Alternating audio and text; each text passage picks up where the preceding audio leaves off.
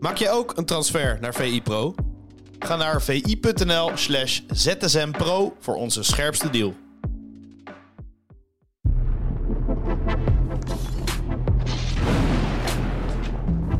Ja, Tim, goedemorgen en welkom bij VI ZSM van uh, woensdag 15 februari, de day after Valentijnsdag. Ja, zeker. Hoe is jouw Valentijnsavond geweest? Uh, er stond voornamelijk voetbal aan.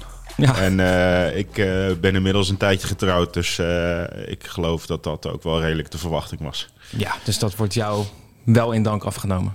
Ja, natuurlijk. We hebben er wel een gezellig avondje van gemaakt. Maar ik heb wel voetbal gekeken. Dus als je het kan combineren, dan laten we het op een 1-2'tje houden. Ja, en uh, het was ook een, een, mooie wedstrijd natuurlijk, een mooie affiche. Van tevoren denk je, het is een topaffiche. Um, ben je bedrogen uitgekomen of niet? Ja, ik, uh, ik begon al een beetje toen jij zei het was een mooie wedstrijd. Uh, dat is het vooraf. Ja. En in zo'n uh, intens duel tussen twee van zulke grootmachten zitten altijd een heleboel dingen waar je toch zeg maar wat uit kan halen. En voor de luisteraars, uh, Paris Saint-Germain bij München ja, 0-1. Ja, ja. We dat ook even afgetikt? Zeker. Um, maar uh, kwam ik bedrogen uit? Ja, ik denk het wel. Ik vond de eerste helft best Saai. wel pijnlijk om te zien dat PSG de sterrenmacht, het sterrenensemble hiermee voor de dag komt. En um, ja, bij Bayern vertelden ze het ook. Ze waren best wel een beetje verbaasd over hoe het ging. En Bayern is natuurlijk gepokt en gemazeld. En vind ik een veel beter team. En dat zag je er ook aan af. Um, ik denk zelfs dat Bayern het misschien nog wel meer had moeten uh, beslissen. Uh, als het 0-2 was geweest, dan...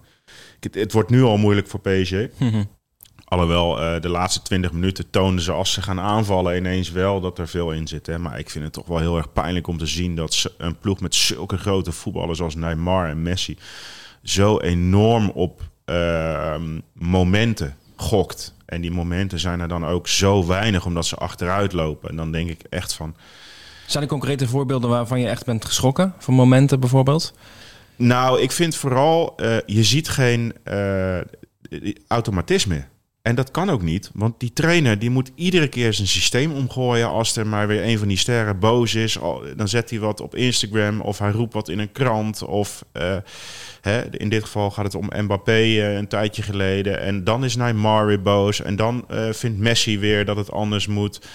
Um, ik zou er gek van worden. Want wat je met zo'n ploeg wil, is um, een systeem kiezen waarin je denkt dat je je sterren het best kunt benutten. Nou is dat best wel een opgave, want ze staan met z'n drieën voorin normaal gesproken. Gisteren natuurlijk niet, uh, omdat Mbappé uh, terugkomt van een hamstringblessure. Maar dat is al een opgave.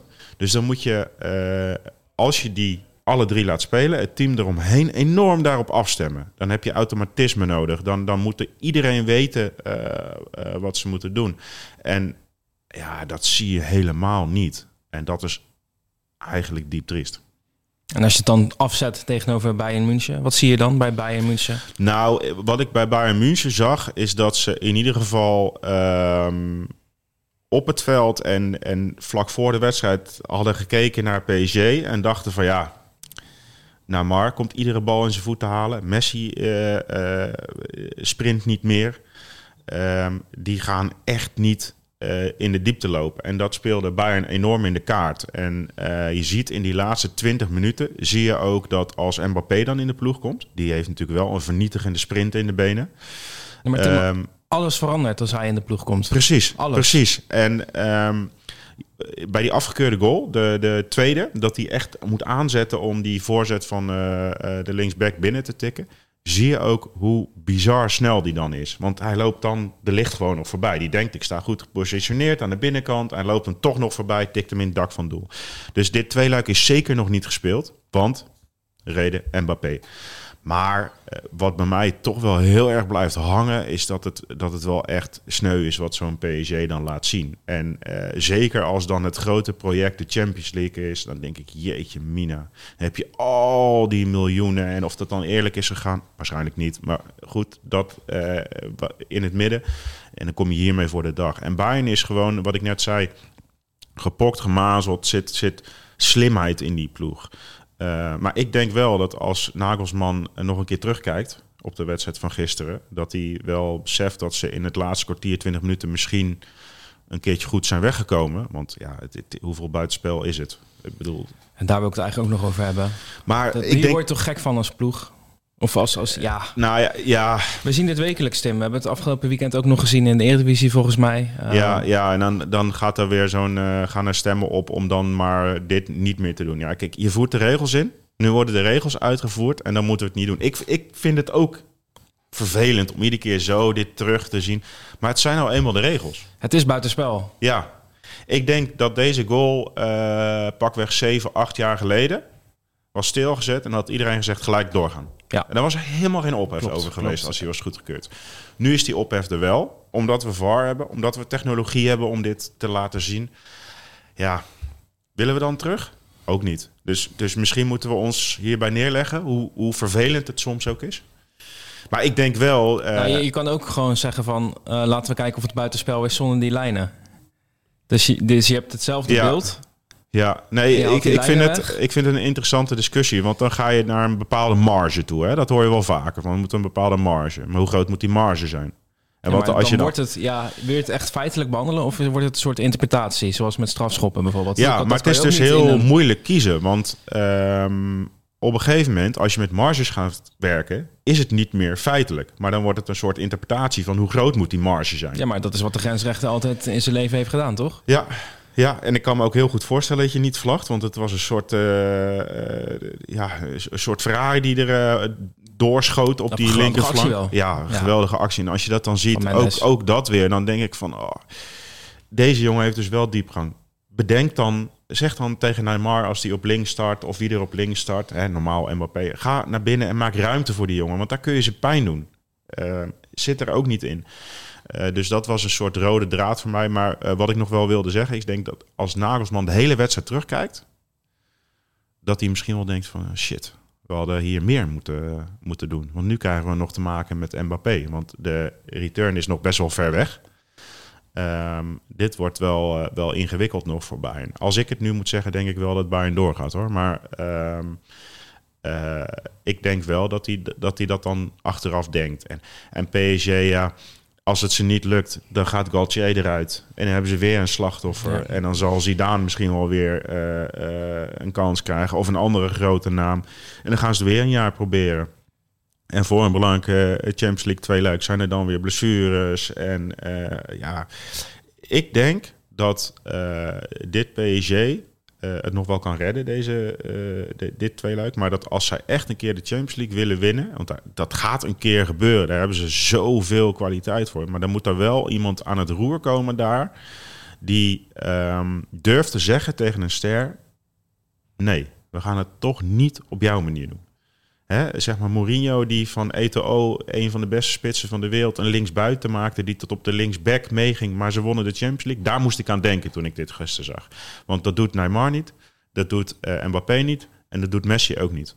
En ik denk wel dat je naar eh, zoiets toe moet, een, een gedachte, en daar vanuit eh, kiezen en blijven handelen en niet steeds iets aanpassen als er eens een Mhm. keertje een wedstrijd tussen zit dat een van die sterren ontevreden is. Ehm, da- dan kan je de Champions League winnen. Maar anders wordt het tegen dit soort ploegen als Bayern eh, of eh, gepokt en gemazelde ploegen die gewoon wel als team opereren, wordt het gewoon lastig. Want ja, je bent zo afhankelijk van die sterren en hun momenten. Maar ze doen ook een heleboel niet. En daar, daar gaat een tegenstander gewoon op inspelen. Duidelijk verhaal, Tim. Dan wil ik het nog even hebben over de hoofdrolspeler van gisteravond, tenminste de matchwinner, Kingsley Coman. Ja, Um, deed het een aantal jaar geleden natuurlijk in de Champions League finale Ja. tegen Paris Saint-Germain. Hij werd Ja. uitgefloten. ja, Hij scoorde en hij juichte niet. Het is een Parijzenaar. Hij heeft daar gespeeld bij die club. ja. Ik zat met mijn vriendin te kijken en eh, ja, die is niet heel erg Ook groot. een eetweetje. ja, ja, zeker ja. Ehm, en die is niet zo'n heel grote voetbalfan. Maar wat haar opviel is, ja, waarom juicht hij niet? Oké, hij heeft bij die andere club gespeeld, maar hij, hij kan toch nu toch gewoon voor Bayern München gaan juichen? Eigenlijk heel Eh, simpel gedacht, maar Het is een hele belangrijke goal. En het, ik, ik had het een vrij menselijke reactie gevonden als hij na te zijn uitgefloten toch even iets had gedaan. Misschien heeft hij te veel respect voor, eh, voor de ploeg die hem eh, eh, groot heeft gebracht. Zoiets. Maar geen glimlachje, niks. Helemaal niks. Nee, ja, je ziet het de laatste omhoog. jaren vaker. Hè. Het is toch een soort respect wat ze willen uiten. Daar zijn ze heel erg mee bezig. Ja, nou ja. Ehm, eh, ja, ik, ben iets ouder. Ik, ik, ik had waarschijnlijk flink gaan juichen. eh, en ik, ik zou dat ook heel goed Kom loopt gesnapt hebben. En mee. ik denk, Die, eh, ik denk niet de jongste zelfs dat de fans die hem op dat moment misschien uitfluiten... wel snappen dat hij zou juichen. Maar Kijk, je hoeft niet te provoceren, maar je mag toch een, een, een... Ik neem aan dat hij blij is met de goal. Ja, ik vond het overigens wel dat de keeper hem echt had moeten Zo. hebben. Ik, ik, ik, zat eerst... Het gaat natuurlijk allemaal heel snel, hè? dat sowieso. Maar Hij ging onderdoor. Hij gaat, er, hij gaat gewoon onder zijn lichaam door. Het Ja. is gewoon een soort technische, technische ja, blunder, technische fout zou ik het haast willen zeggen. Hij, hij doet iets raars. Dus misschien, ja. Dus ik vond wel dat wat mogen hebben. En ik vond Coman voor rust, die versnelling van die jongen, hè, dat, je, dat hij een soort op iemand afdribbelt en soms uit stand in één keer er langs gaat. Ja, dat, is, dat gaat zo verschrikkelijk snel. Hij heeft gelijk anderhalve meter te pakken. En, en daar, daar waren ze echt kwetsbaar. En ehm, eh, ja, ook daar hadden ze, misschien nog wel hadden ze misschien nog wel meer moeten zoeken. Want je zag dat echt iedere keer in de eerste helft vooral... dat als hij zeg maar een actie maakte of hij zette aan naar binnen, naar buiten... had iedere keer een meter verschil. En dan, ja, eh, daar haalden ze toch niet genoeg uit. Maar om terug te komen op de vraag, juichen? Ja, ik had zeker gejuicht. Iemand die wel juichte was Brahim Diaz bij de wedstrijd eh, AC Milan tegen Tottenham Hotspur. Ja. Dat was de andere wedstrijd in de Champions Ja. League natuurlijk.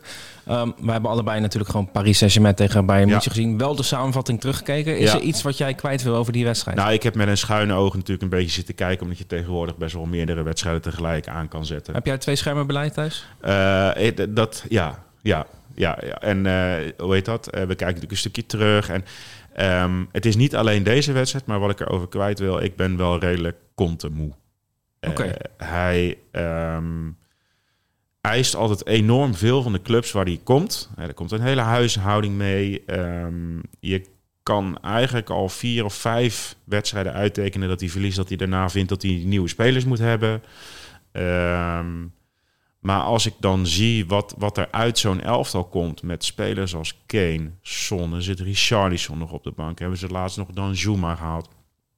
Ik begrijp dat ze op het, centraal op het middenveld nu een probleem hadden hoor. Met Heuberg die er niet was. eh, blessures voor Bissouma, eh Bentancur, dat snap ik. Maar als ik dan zie wat ze eruit halen en... en ik, ik vind dat er ehm, van Conte eh, straalt een soort chagrijn soms na wedstrijden. Een soort van, ja jongens, ik kan er toch ook niks aan doen. Ik heb toch ook niet goed, goed, eh, goed genoeg materiaal. En ehm, dat hij zich eh, zo vurig als, de lijn, eh, als hij langs de lijn is...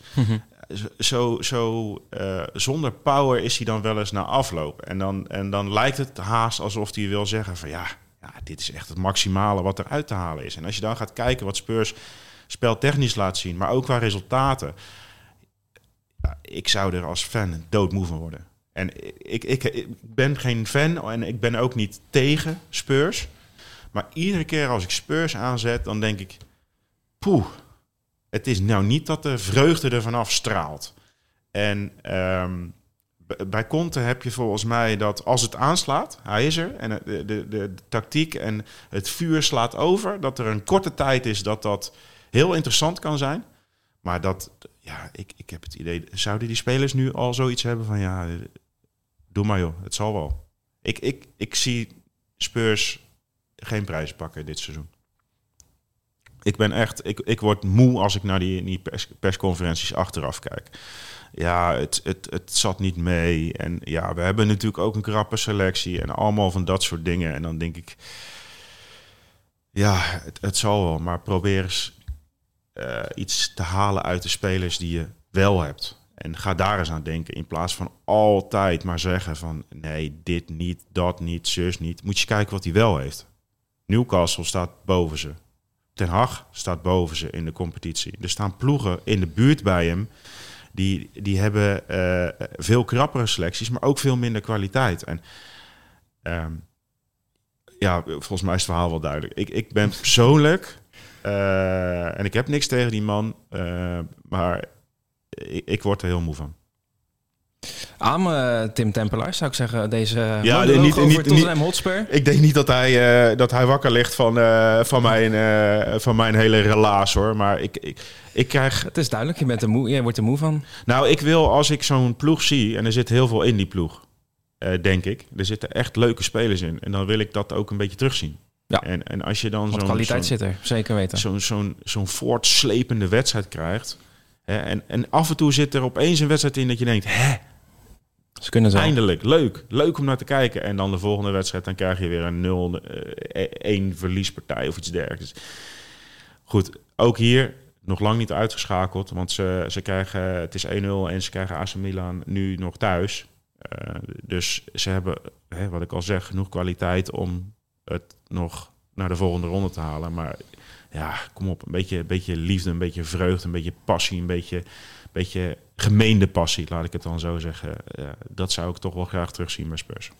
Dan zijn er vanavond natuurlijk nog twee Champions League wedstrijden te heten Club Brugge tegen Benfica en Dortmund tegen Chelsea. Maar ik denk dat ja, menig voetballiefhebber toch afstemt op Arsenal Manchester City in de Premier League. Ongelukkige timing wel van de wedstrijden. Ja, dat vind ik wel jammer. Dat is echt wel jammer. Want eh, zo'n zo'n kraker verdient wel echt alle ruimte. En eh, ehm, hij staat bij mij van die drie wedstrijden die je noemt. Real speelt volgens mij ook nog vandaag. Zeker ja, tegen Elche. Ehm, eh, staat hij wel bovenaan hoor.